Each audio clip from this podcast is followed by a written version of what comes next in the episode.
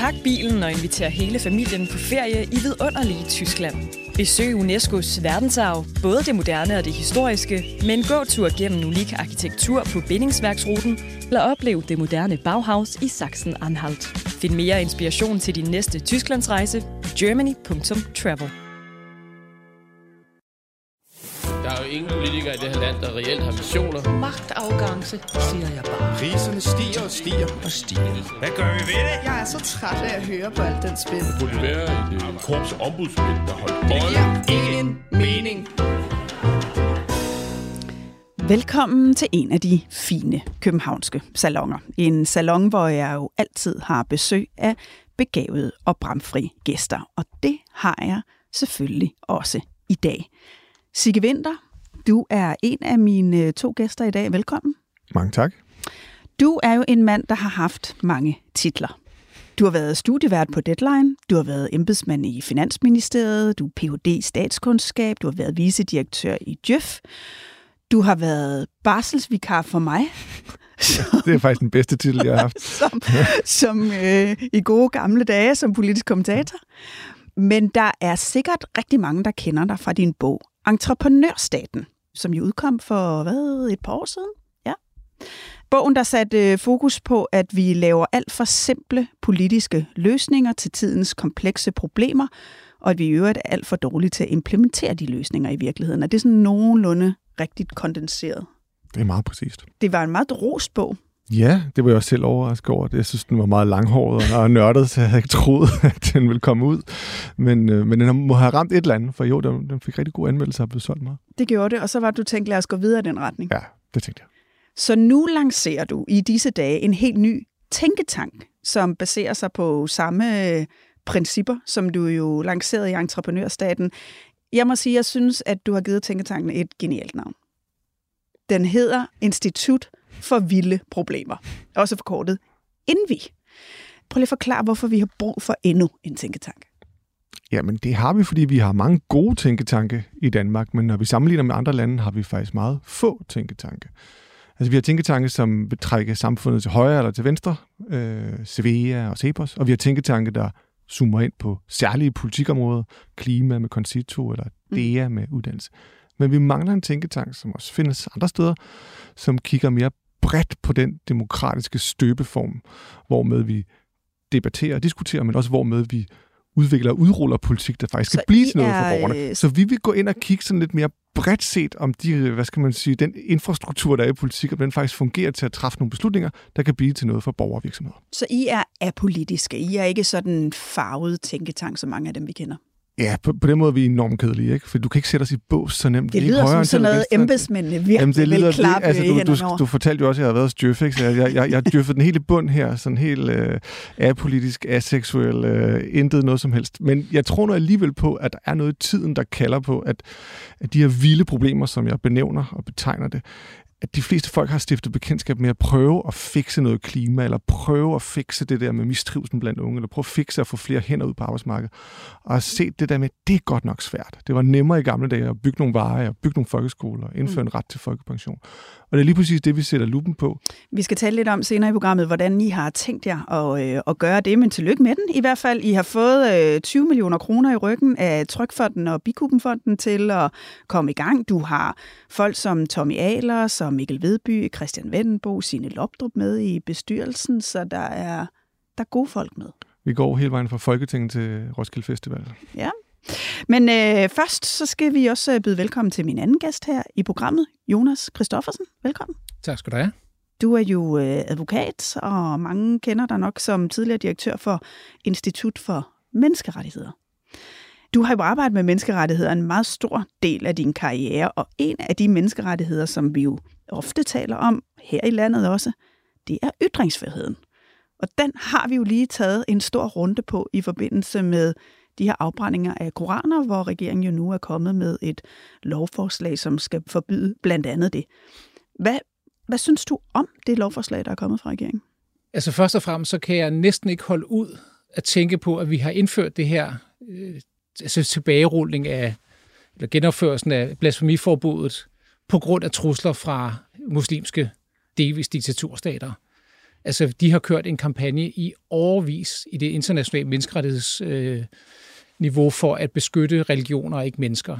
Og det var lige præcis det, vi sagde i Danmark, da man, da man ophævede blasfemiforbuddet i 2017, var, vi skal jo ikke beskytte religioner, vi skal beskytte mennesker. Og, øh, og så ruller vi tilbage, når vi bliver troet. Øh, og det vil sige, at vi ligger under for en trussel. Og det er det, der er begrundelsen, for der er ingen af dem, der nu vil rulle det tilbage, der var på duberne i 19 og 20 og 21 og sagde, nu går det for, for vidt med Paludan, jeg kan ikke holde ud og høre, og høre og se på det, vi bruger for mange penge på det, alt muligt. Derfor skal vi holde op. Mm. Men reagerer først, når truslerne kommer. Og det vi har prøvet siden 2001 med 9-11 og alt det der, var jo at sige, vi må stå op for det, vi selv tror på, og så må vi tage kampen. Og det synes du, der bliver givet køb på her? Det bliver der, ja, det bliver der utvivlsomt givet køb på, fordi begrundelsen er jo danske, som Lars Lykke siger, det er jo danskernes sikkerhed og bla bla bla. Men det er vel også et færre parametre, eller hvad? Fuldstændig fair. Jeg kan bare ikke holde det ud, fordi man jo har været stålsat på at sige, at i den vestlige verden, der er vi frihed, og vi skal ikke ligge under for trusler fra terrorister og de der lande og alt det der. Vi skal stå fast på vores værdier, så må vi tage diskussion om kampen. Og nu tager vi, bøjer vi os i denne her. Det synes jeg bare er, det er ikke til at holde ud. Vi og så det, derfor vil jeg sige, det, når du spørger, hvad synes jeg om det, så siger det bliver meget langhåret. Fordi så kommer vi til at sige, hvad er det i, i virkeligheden, politikerne i virkeligheden gerne vil med det her? Når de laver den her løse øh, løsning, som de nu øh, har kastet op. Og det er langhåret, det nørder vi gerne i. Det gør vi lige lidt senere her i programmet. Velkommen begge to i Østergårds Salon.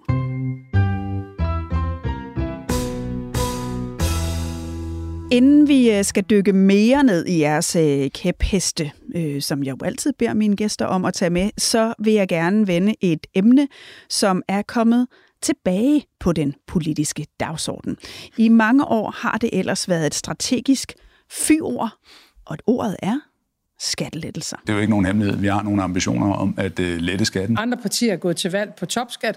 Det indfører vi nu i fællesskab. Vi synes, at, at hele spørgsmålet omkring at give folk nogle flere penge tilbage i forhold til skattelettelser, det kommer til at være en helt afgørende prioritet for os. I Socialdemokratiet gik vi til valg på at sænke skatten for dem, der har mindst.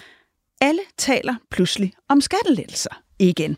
Regeringen har skrevet i regeringsgrundlaget, at de vil give skattelettelser for 5 milliarder kroner, øh, undtagen selvfølgelig de allerrigeste lønmodtagere, dem der tjener mere end 2,5 millioner kroner om året, de skal have en top, top skat.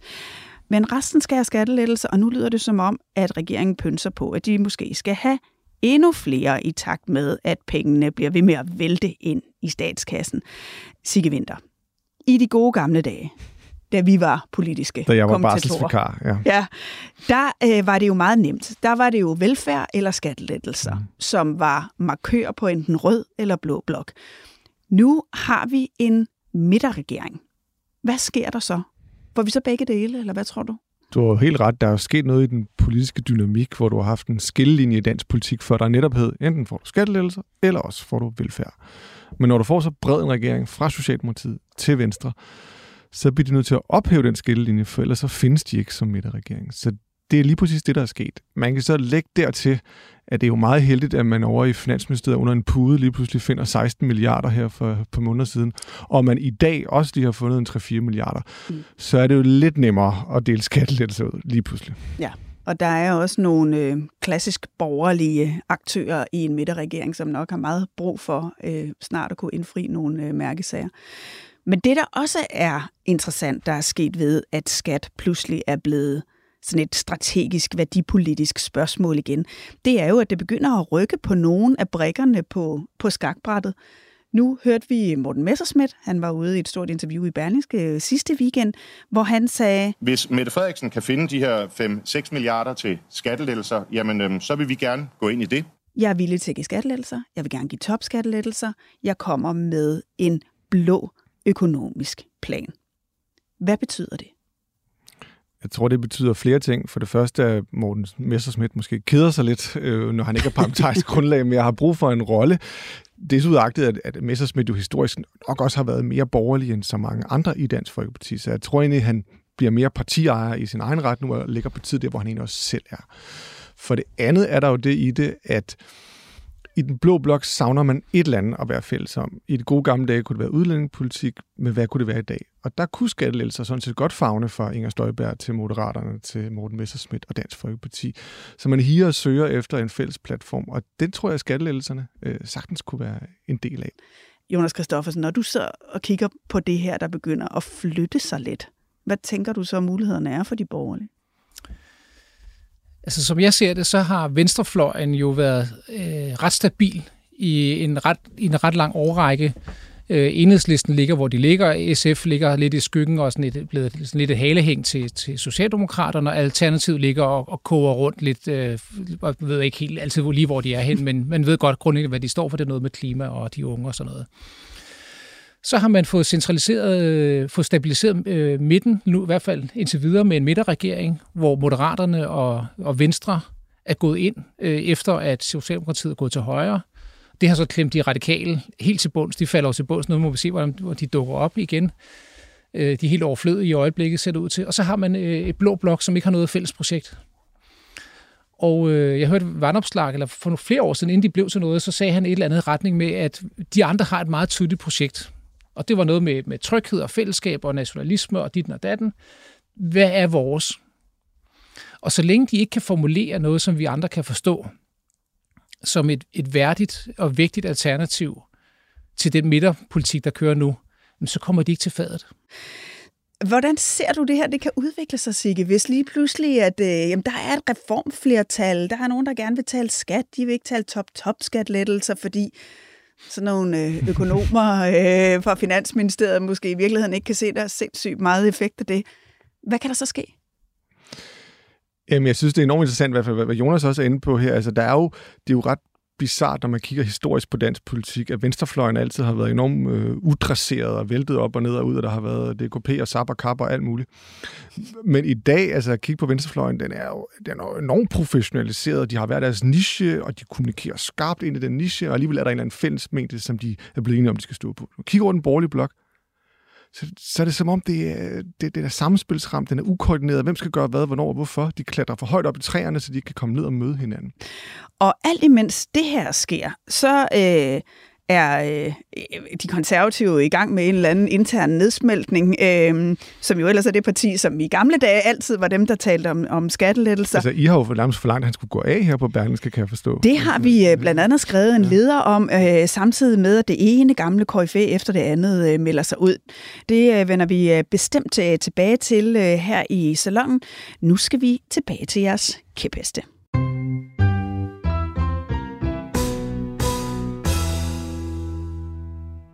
Altså man, man kan jo forestille sig øh, en ret bekymrende glidebane, ikke kun i forhold til islam, men også alle mulige andre sådan autokratiske styre, der tænker, Danmark er villig til at gå på kompromis med deres egen frihed, hvis bare vi presser dem nok.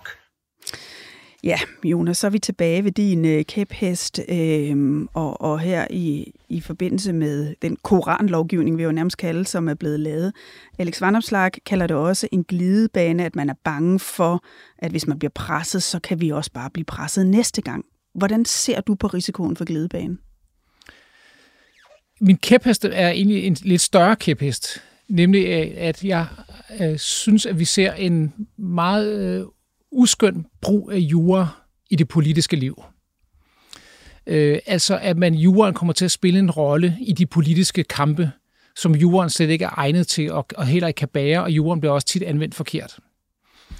Øhm, hvis man så tager det her, øh, lige præcis med, med koranforbuddet, øh, eller for afbrændingsforbud, eller det her utilbørlige behandling af religiøse genstande forbud, vi nu, vi nu får, altså lad os bare kalde det koranloven, så, øh, skal, man skal jo altid være opmærksom og være øh, varsom med at råbe, ulven kommer, dit glidebane. Øh, men det vi har set glidebanen her er, det ligger allerede i lovforslaget. Altså det man sagde var, nu vil man lave en nålestiksoperation. Det handlede om, i starten var der lidt med foran ambassaderne, og det skulle, kun, det skulle være meget snævert. Og allerede nu har man lavet et forbud, der handler ikke kun om Paludans type afbrændinger, men man har sagt, at det er enhver utilbørlig behandling af væsentlige religiøse genstande, og de siger, at det gælder også politiske og kunstneriske ytringer. Og så skal og jeg lige forstå... Der, der, der, der er jo allerede, hvis man mener det, er der jo allerede der en kolossal glidebane, fordi vi siden, lad os sige, bare 60'erne har set en, i 60'erne så vi og 70'erne, en vældig provokation af kristne dogmer. Og de gamle kristne, klassiske, konservative værdier blev udfordret af øh, Jens Jørgen Thorsen, som malede øh, Jesus på kors med, med kæmpe erigeret lem og, og sådan noget.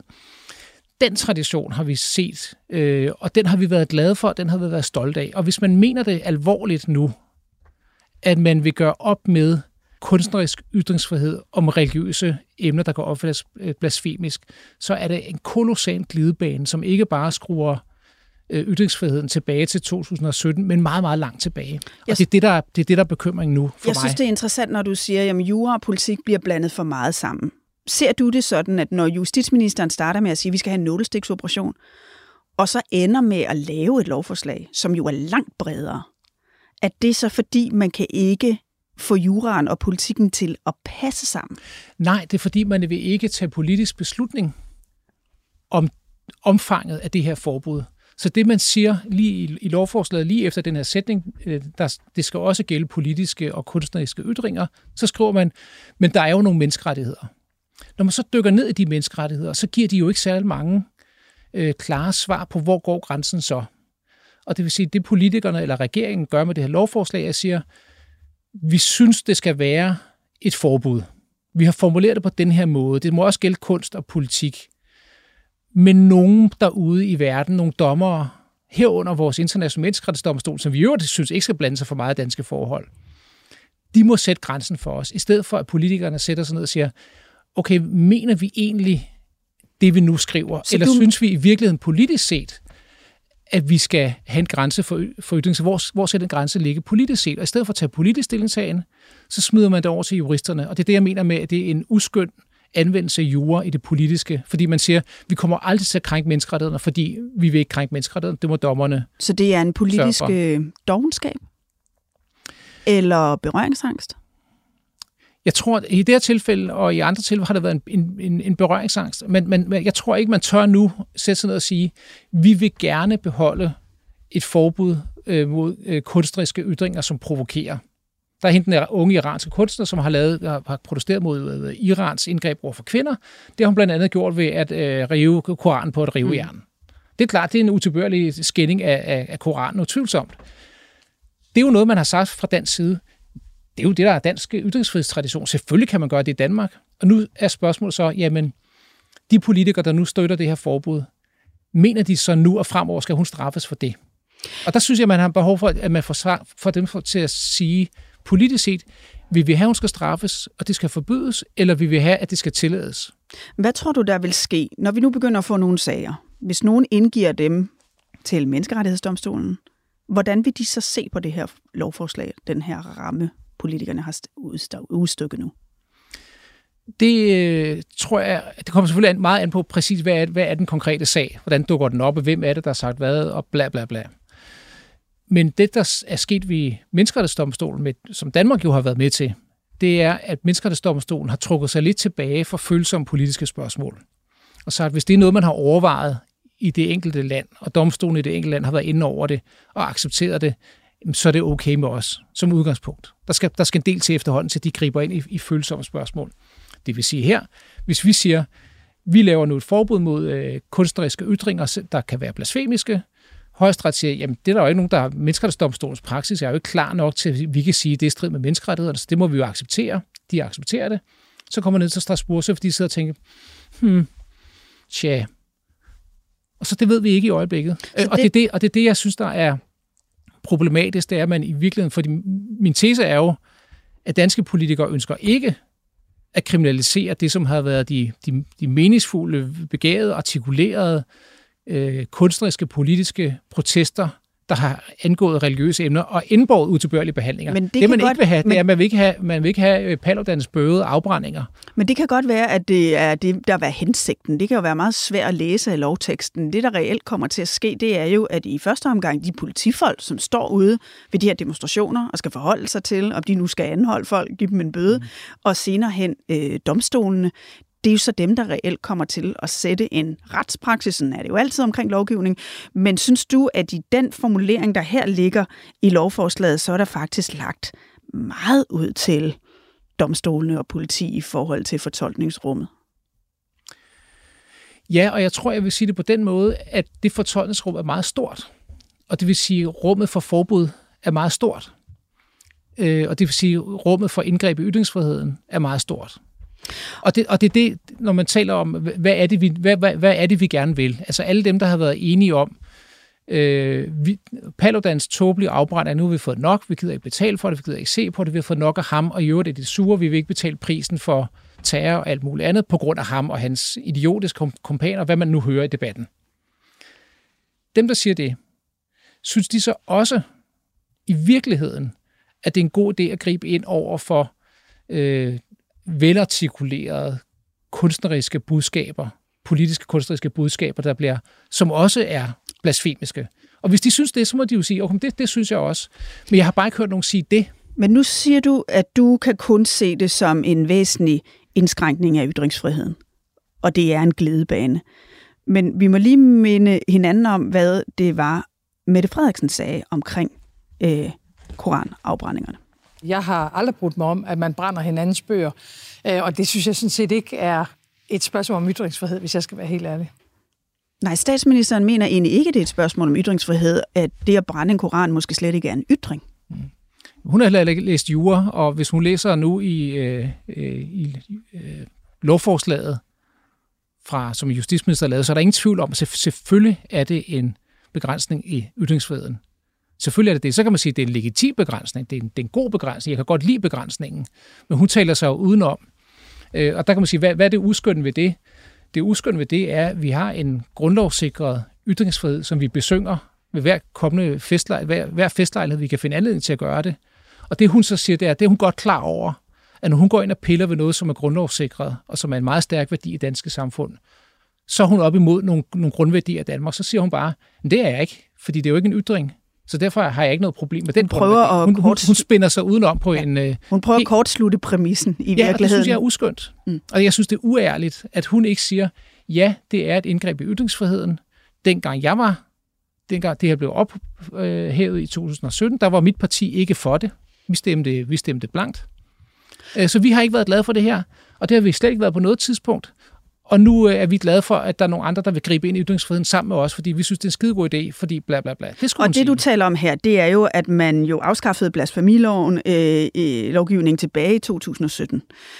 Synes du, at man er tilbage på den lovgivning, eller i virkeligheden går endnu længere end den lovgivning fra 2017 med det, vi har nu? Med det, der, med det, der ligger nu på papir, så er man gået længere tilbage end 17. Det er helt utvivlsomt. Fordi det man, det, man sagde, da man ophævede blasfemiforbuddet i 17, det var, det eneste, der sådan set var forbudt på det tidspunkt, det var afbrænding af religiøse skrifter og noget tilsvarende, altså afbrænding af koraner og sådan noget. Det var ikke ytringer i øvrigt. Og man var helt klar på, at de her politiske ytringer og kunstneriske ytringer, og hele den tradition, den var ikke strafbar, fordi vi havde plads til lige præcis ytringer om den type emner på den, og på den måde. Øh, så nu er man gået længere tilbage, og derfor synes jeg, at øh, at man virkelig nu skal passe på, at man ikke kommer til at gå for langt tilbage, og man ikke starter glidebane med, med allerede med lovforslaget. Mm. Men jeg tænker bare, Jonas, altså jeg er jo ikke på nogen måde hem, altså jeg er ikke hæmmet af viden på det her område, lad mig sige det på den måde. Altså derfor lytter jeg jo meget til dig, men jeg, jeg sidder og tænker, at øh, når vi kigger på de målinger, der har været, meningsmålinger, så er der jo stor del af befolkningen, der bakker op om det her indgreb. Så kan man så diskutere, om de forstår, hvad det indebærer, hvad ved jeg. Jeg er ikke sikker på, at jeg selv helt forstår, hvad det indebærer. Men men jura er jo sådan kort sagt øh, frossen politik. Ikke? Jura er frossen politik. Og det vil sige, hvis der er en stor del af befolkningen, der gerne vil have det her, så laver man noget lovgivning, og så er det sådan, det bliver. Og så kan man godt stå med en masse fine principper om ytringsfrihed og grundlov, og hvad har vi? Mm. Men folket vil have det. Så, så mit spørgsmål vil til dig er at sige, de principper, vi havde for 100, 200, 300 år siden og 500 år siden, hvor man kunne stå nede på torvet i, i Skelskør og brænde Koranen af til de 10 mennesker, der var der, gav måske mening dengang. Men i det globaliserede samfund, vi har, med de sociale medier, vi har, så er det måske okay, at befolkningen forstår ytringsfriheden på en ny måde, eller hvad? Fuldstændig. Det synes jeg er fuldstændig i orden. Og så synes jeg, at øh, når min kæphest er øh, uskyndt anvendelse af jura i politiske diskussioner, at så skulle man sige det. Så skulle man sige fra regeringens side, alt det, du siger, og så sige, og det betyder hvad? Det betyder, at når nogen derude, der bliver rigtig sure på os, så vil vi ændre vores ytringsfrihed. Og vi starter med koranopbrændinger, og så tager vi lige kunstneriske og politiske ytringer med, og næste gang kommer tegningerne. Nå nej, fordi tegninger vil vi ikke, for det er alligevel noget andet. Der blev de også enormt sure, og der var også terrortrusler og, og alt muligt andet, og der holdt vi fast. Så, så jeg synes, at man, at man, altså jeg er helt med på, at selvfølgelig skal demokratiet gøre, hvad demokratiet har flertal for. Og det, jeg siger nu, er, at jeg synes bare, at de demokratiske kræfter, altså vores flertal i Folketinget, skal tænke sig om og sige, at de nu er sikre på, at de gør det, de gerne vil. Og, det, og lige nu ser det også... ud til, at de, at de gør noget, der går længere, end det de i hvert fald politisk har sagt, også med alle mulige omskrivninger, at de vil gøre. Og det, der jo er virkelig interessant her, det er jo netop at komme til at se nogle af de første domme. Så hvordan bliver retspraksis? Hvad bliver rammerne egentlig for, hvordan den her lov bliver udmyndtet? Vi skal videre til din kæphest, Sigge Vinter.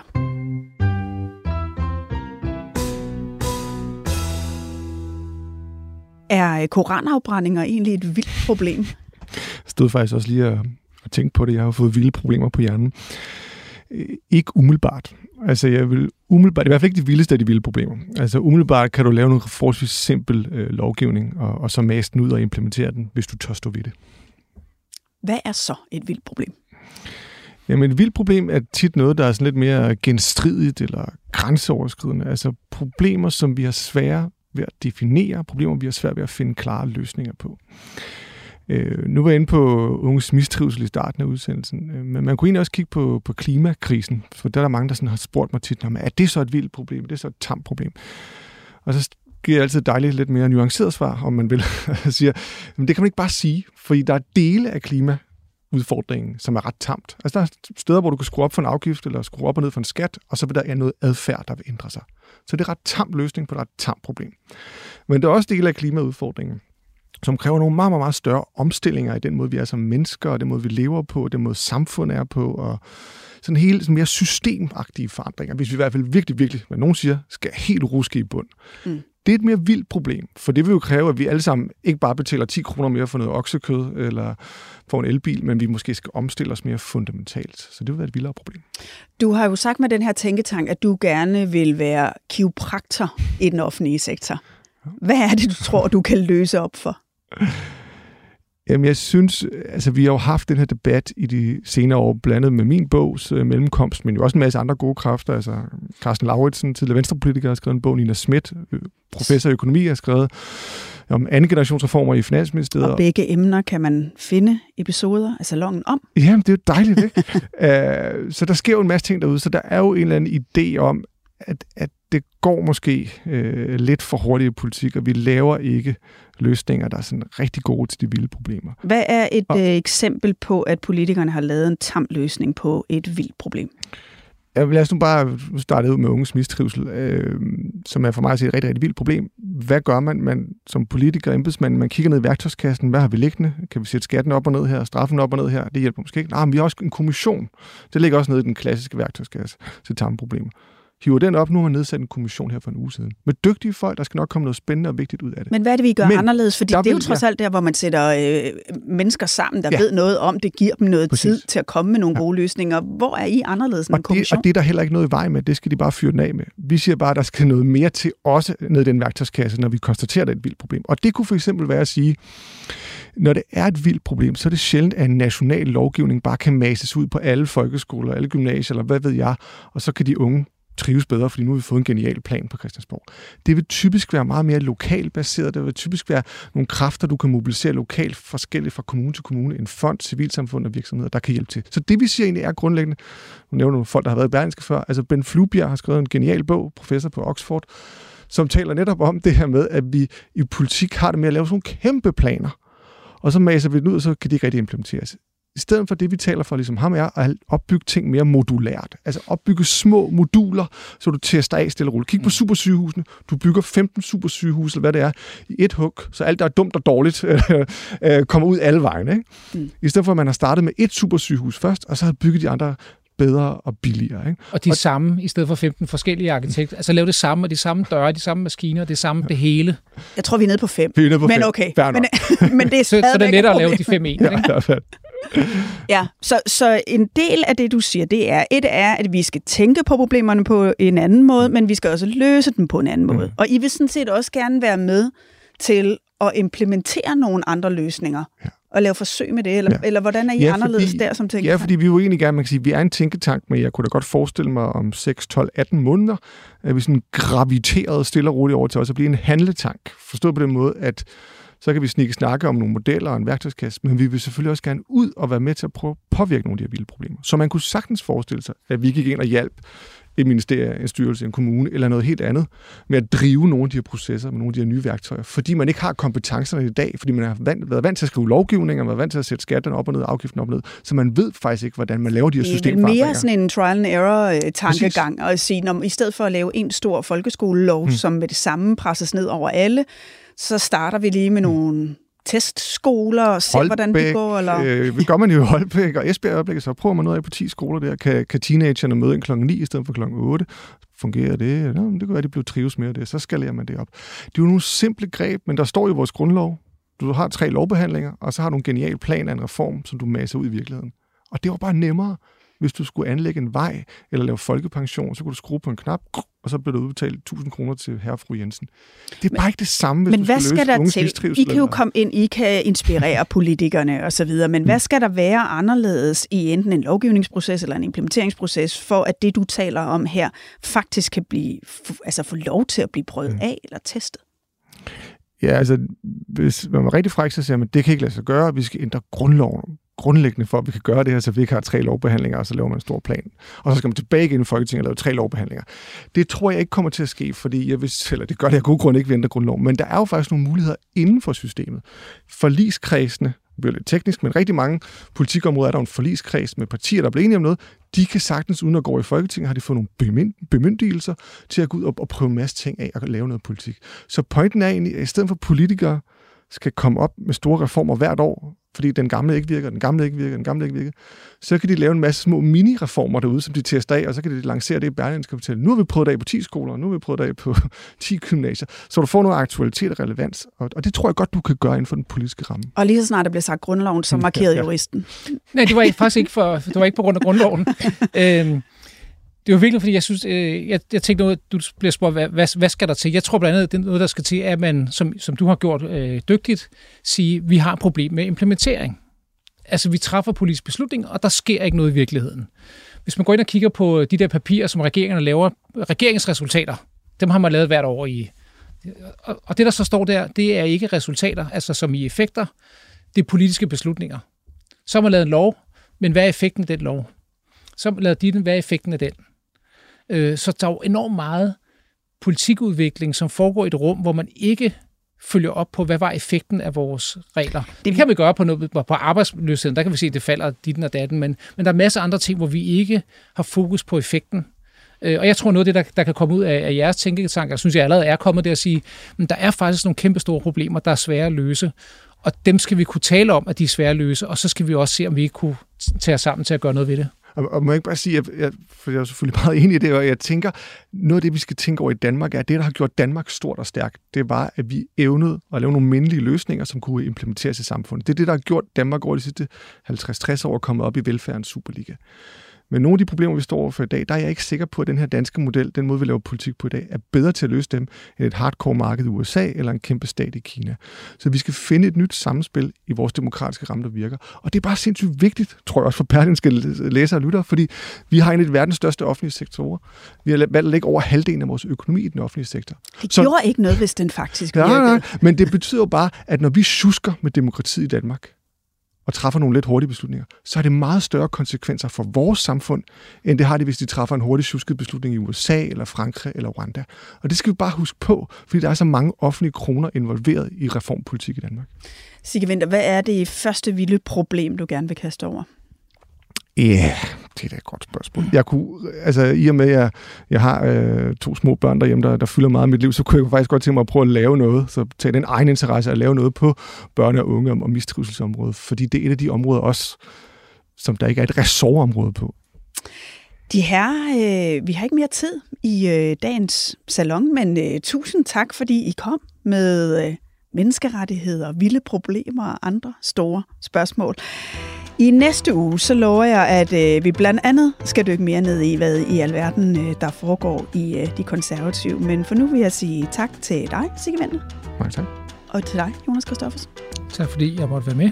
selvfølgelig. Jeg hedder Mette Østergaard. Producer var Josefine Marie Hansen. På genhør i Østergaards Salon.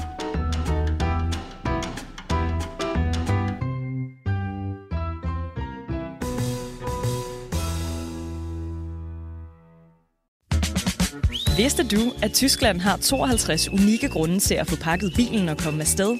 Med 52 kulturskatte, steder og traditioner på UNESCO's liste, og en verdensarv på mere end 7.000 år, kan en tur til Tyskland blive en enestående mulighed for at rejse tilbage i tiden.